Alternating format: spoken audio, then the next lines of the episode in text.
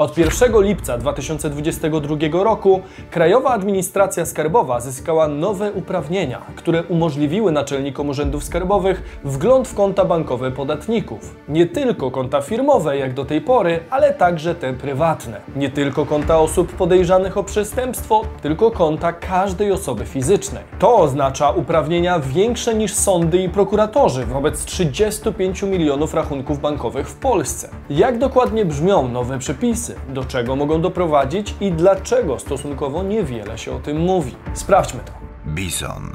Włączeni do świata biznesu i finansów. Cześć, tutaj Damian Olszewski i witam Was serdecznie w programie Praktycznie o pieniądzach i edukacyjnej serii Bizon. Sezon letni to czas, w którym rzadziej obserwujemy bieżące wydarzenia polityczne i zmiany prawne. Być może dlatego właśnie większość z nas przeoczyła fakt, że od początku lipca 2022 urzędnicy skarbowi mogą uzyskać pełen wgląd do naszych prywatnych kont bankowych. Zachęcam do subskrybowania kanału, aby nie przegapić kolejnych tego typu rewolucji i poszerzać swoją świadomość finansową razem z nami. Czas to pieniądz, więc Zaczynajmy. Na jakiej podstawie skarbówka zajrzy na nasze konta? Oto kolejny rozdział niekończącego się serialu zwanego Polski Ład. W tym odcinku nadszedł czas na majstrowanie przy zasadach pracy celników i urzędów skarbowych. Co konkretnie zmieniło się w przepisach dotyczących kas? Cała afera dotyczy odświeżonego artykułu 48 ustawy o kas z 16 listopada 2016 roku,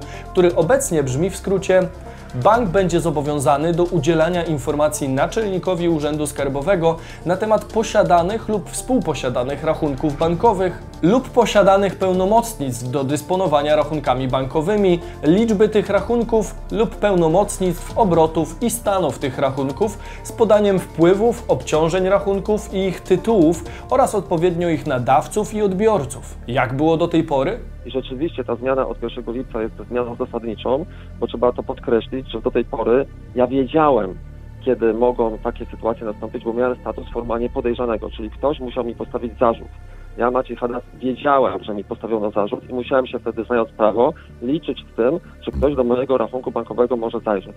Dzisiaj jest taka sytuacja, że może być wszczęte postępowanie przygotowawcze Nie wiemy o i ja o tym nie wiem, tak? I o tym w ogóle nie wiem. O tym opowiadał choćby adwokat i doradca podatkowy dr Andrzej Dmowski w TVN24 Biznes. Organ podatkowy występował pisemnie do podatnika, aby ten zezwolił na wgląd w tajemnicę bankową. Dopiero po jego ewentualnej odmowie skarbówka musiała zwracać się z podobną prośbą do banku, wskazując przy tym konkretne powody. Dziś dzieje się to bez podawania przyczyn. Jakie dane może dziś na życzenie pozyskać Urząd Skarbowy? Skarbówka na życzenie może od teraz, bez naszej wiedzy, sprawdzić ile mamy rachunków i jakie kwoty na nich trzymamy, komu robimy przelewy, kiedy, na jakie kwoty i jak je tytułujemy, czy też kiedy wypłacamy pieniądze z bankomatów. Naczelnik Urzędu Skarbowego w każdej chwili będzie sobie mógł w zasadzie wcisnąć klawisz i oglądać sobie nasze, nasze konto, jak to wygląda, z kim, kiedy, ile i tak dalej, i tak dalej, bez żadnego tak naprawdę uzasadnionego powodu.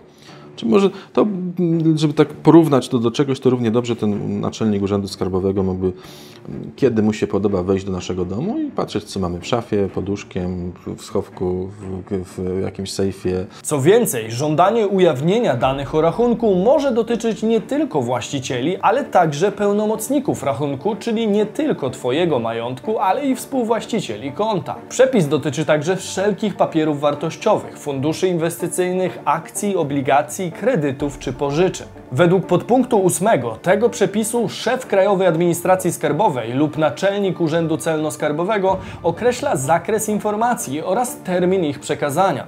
Termin ten powinien uwzględniać zakres żądanych informacji oraz stopień ich skomplikowania. Czyli to urzędnik ustala co i na kiedy bank czy dowolna inna instytucja finansowa ma dla niego o nas przygotować. Jak daleko sięga wzrok urzędnika? Nawet prokurator w postępowaniu karnym nie ma dostępu do informacji objętych tajemnicą bankową w postępowaniu przygotowawczym, kiedy nikomu nie są postawione konkretne zarzuty, mówi Tadeusz Białek, prezes Związku Banków Polskich. To błąd w sztuce legislacyjnej, czy może zamierzona zmiana? Luiza Pieprzyk, była urzędniczka, a obecnie audytorka podatkowa, nie pozostawia złudzeń.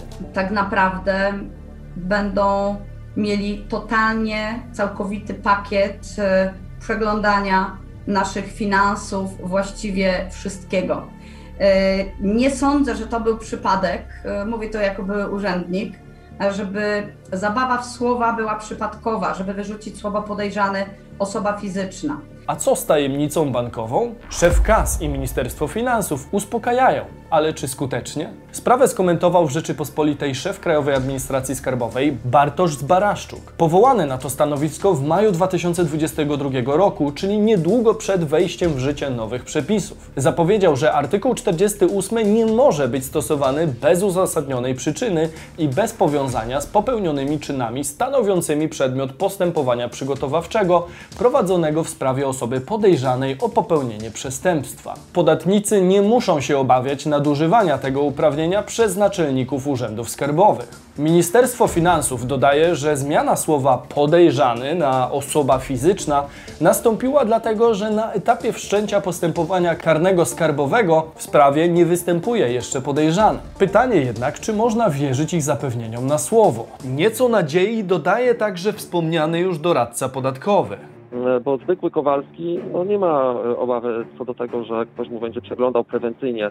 To nie funkcjonuje w ten sposób, że ktoś będzie mógł jutro, pojutrze wejść na mój rachunek bankowy i sobie przeglądać, a może trafię, prawda?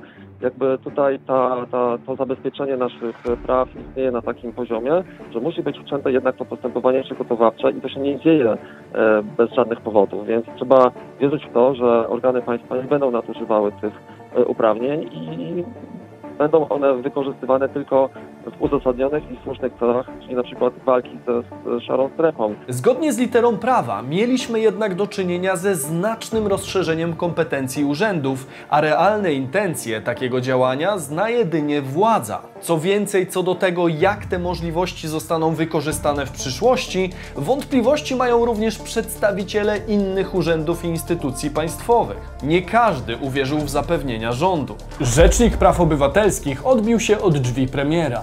W marcu 2022 roku nie uwierzył im już Marcin Wiącek, rzecznik praw obywatelskich, który swoje zastrzeżenia skierował w stronę premiera Mateusza Morawieckiego, ówcześnie wykonującego obowiązki ministra finansów. Przepis w nowym brzmieniu według RPO znacząco poszerza zakres nie tylko kompetencji organu, ale przede wszystkim zakres ingerencji w strefę prywatności obywateli. Pan Wiącek w odpowiedzi otrzymał dość kuriozalne pismo z KAS, z którego niestety niewiele wynika. Możecie się z nim zapoznać tutaj. Pod koniec pisma poinformowano, że przepis może jeszcze ulec zmianie. Końcowo, odnosząc się do zgłoszonych uwag w zakresie zmienionego brzmienia przepisu artykułu 48 ustawy o Krajowej Administracji Skarbowej, należy wskazać, iż zostanie on poddany ponownej analizie w celu jego ewentualnej zmiany. Póki co jednak zmian w tej materii nie widać, a zamiast tego szykują się następne rozszerzenia zakresu działalności fiskusa.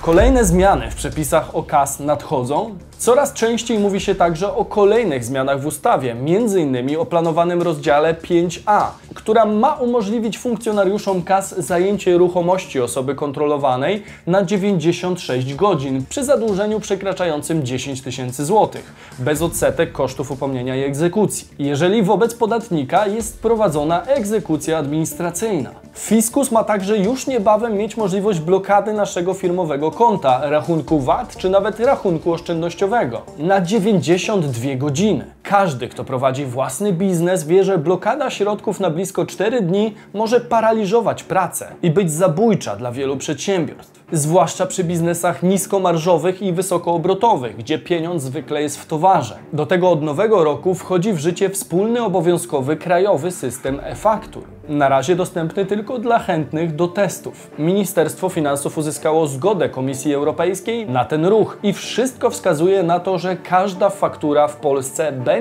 od razu po jej wystawieniu trafiać do wspólnej bazy. To ma być kolejny cios w szarą strefę, w której resort finansów upatruje około 18 do 20% PKB, wynoszącego obecnie około 2 biliony 622 miliardy złotych. Szara strefa to rzeczywiście zmora wielu krajów, a sporo podatników ucieka od płacenia podatków na wszelkie, nie zawsze legalne sposoby. Otrzymanie części lub całości wynagrodzenia pod stołem, niewykazywanie części przychodów, czy lewe faktury kosztowe. To tylko kilka metod, przez które państwo nie otrzymuje tyle w podatkach, ile by mogło. Szara strefa w Polsce nadal działa dość prężnie, zwłaszcza w niektórych regionach kraju. O tym może nawet warto by było nagrać zupełnie inny odcinek. Pytanie, czy chcielibyście zobaczyć film o szarej strefie w Polsce? Dajcie znać w komentarzu. A teraz spójrzmy szerzej, co w perspektywie lat wnosi ta zmiana. Warto spojrzeć na wprowadzone i nadchodzące zmiany z szerszej perspektywy. Maksymalna kontrola naszych prywatnych kont, wspólny system e-faktur, ograniczenie transakcji gotówkowych między firmami do 8 tysięcy złotych w 2023 roku, czy też niedawno wprowadzone kolejne zmniejszenie kwot możliwych do wypłacenia w bankomatach Euronetu z 1000 zł do 800 zł. To prowadzi w jednym kierunku do ograniczenia obrotu gotówki do sprawienia, aby jej użytkowanie stało się coraz to bardziej problematyczne dla przeciętnego Kowalskiego czy przedsiębiorcy. Zauważmy, że dzięki zamknięciu wszelkich transakcji w obrębie kart i kont bankowych, państwo zyskuje znacznie większą kontrolę nad obrotem pieniędzy w gospodarce i podatkami, a także większą kontrolę nad obywatelem. Eksperci finansowi zapowiadają od lat, że transakcje bezgotówkowe to przyszłość, być może coraz mniej odległa, patrząc nawet po danych z 2019 roku, czyli jeszcze sprzed pandemii. Skrajnym przykładem niech będzie Szwecja, która już dziś ma tylko 1% swojego PKB w formie klasycznych monet i banknotów. Dla porównania średnia strefy euro to 10%. Już dziś 73% transakcji w Szwecji odbywa się bezdotykowo. Zaledwie 11% obywateli w 2019 roku, a już 9% w 2020 roku skorzystało z klasycznego pieniądza. Szwedzkie sklepy, restauracje czy komunikacja miejska wyraźnie informują, że nie przyjmują już gotówki. Korona szwedzka może być zatem pierwszą klasyczną walutą, która przejdzie w 100% do świata digitalu. Unia Europejska również stawia kolejne kroki i planuje w kolejnych latach zakazać transakcji gotówkowych powyżej 10 tysięcy euro. Podobna ustawa została odrzucona w Australii w 2020 roku, ale być może temat wróci na ławy ich senatu w najbliższym czasie. Grecja już kilkukrotnie całkowicie blokowała lub ograniczała wypłaty pieniędzy z bankomatów w czasie kryzysu. Kanada z premierem Justinem Trudeau na czele niedawno groziła trackerom blokadą ich kont bankowych za udział w protestach. Chiny robią krok dalej, blokując wiele rozwiązań ze świata krypto w swoim kraju i tworząc własną kryptowalutę. Tym samym przejmą kontrolę nie tylko w świecie rzeczywistym, ale i wirtualnym pieniądzem na swoim terytorium. 16 sierpnia świętowaliśmy Dzień Płacenia Gotówką. Na ten moment jeszcze 73% transakcji w całej Europie odbywa się właśnie gotówkowo. I oby to nie zmieniło się zbyt prędko, bo nie chciałbym, abyśmy doczekali się czasów pełnej kontroli państwa nad transakcjami. Przy obecnym poziomie zaufania do krajowych instytucji mam wrażenie, że to byłoby ekstremum większego kalibru niż szara strefa. Zmiany jednak już za nami. Zastanówmy się więc, co robić, aby nie narazić się skarbówce. Część osób napisze pewnie, że jak ktoś nie ma nic na sumieniu, to nie powinien się niczego obawiać. I okej, okay, rozumiem ten argument. Mówimy jednak o dość głębokim szperaniu w czyjejś prywatności. Nawet jeśli nie mamy sobie absolutnie nic do zarzucenia, to niekoniecznie chcielibyśmy mieć świadomość, że urzędnik może przyjrzeć się temu, co robimy ze swoimi pieniędzmi, a my nawet nic nie będziemy o tym wiedzieć. Zatem cztery podpowiedzi ode mnie, co robić, a czego nie robić, aby uniknąć problemów ze skarbówką w obliczu najnowszych zmian. Po pierwsze, uważajmy na tytuły przelewów. Tytuł pokroju zwrot kosztów, na przykład za wyjazd ze znajomymi, może wyglądać jak zwroty i koszty w prowadzeniu działalności gospodarczej. Nie wspominając o innych pikantnych tytułach przelewów, które nieraz nawet w formie żartu mogliśmy nadać. W obecnej chwili tego typu żarty mogą okazać się mniej śmieszne i narazić nas na postępowanie. Po drugie, unikajmy zaległości podatkowych. Każda drobna kwota, choćby niezapłacony podatek gruntowy za mieszkanie w bloku, które wynajmujemy, może być już powodem do rozpoczęcia kontroli na naszym prywatnym koncie. Po trzecie, nie zamykajmy kont bankowych. Banki mają obowiązek przechowywać informacje o naszych transakcjach przez minimum 5 lat. Więc nawet jeśli dokonaliście w tym czasie jakichś transakcji, których legalności nie jesteście pewni, i tak fiskus będzie mógł w nie zajrzeć, nawet po zamknięciu rachunku. Po czwarte, uważajmy na przelewy powyżej 15 tysięcy euro lub 70 tysięcy złotych. Te niejako z automatu są zgłaszane do urzędów skarbowych. Jeśli planujecie jakieś darowizny lub zwroty prywatnego długu zaciągniętego u swoich przyjaciół, pamiętajcie o odpowiednim opisaniu przelewu, a nawet udokumentowaniu transakcji notarialnie dla bezpieczeństwa. Zatem co powinniśmy myśleć o tak dużym rozszerzeniu zakresu kompetencji skarbówki? Czy jesteśmy narażeni na inwigilację? W mojej ocenie od 1 lipca bieżącego roku ochrona prywatności obywateli została jednak uszczerbiona. Czas pokaże, jak te przepisy będą stosowane.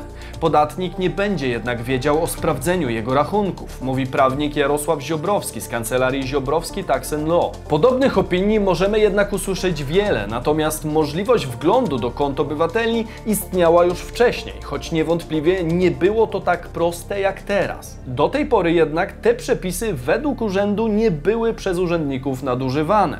Obawy jednak mogą być uzasadnione, kiedy tak naprawdę nie wiemy nawet do końca, dlaczego ustawodawca rozszerzył ten zapis tak radykalnie. Poleć można jedynie nad tym, że w uzasadnieniu do ustawy, y, który, która wprowadziła ten przepis, nie ma ani słowa na temat motywów ustawodawcy, dlaczego te przepisy zostały wprowadzone. Nie wiemy. Tak wielka niewiadoma budzi jedynie dalszą nieufność względem państwa i urzędu. Jak uważacie, dlaczego tak znacząco rozszerzono uprawnienia fiskusa? Dajcie znać w komentarzu. Warto subskrybować kanał, aby razem z nami poszerzać własną świadomość finansową. Wiernych bizonów proszę o hashtag bizon w komentarzu, a my widzimy się w sobotę i niedzielę o 15. Cześć!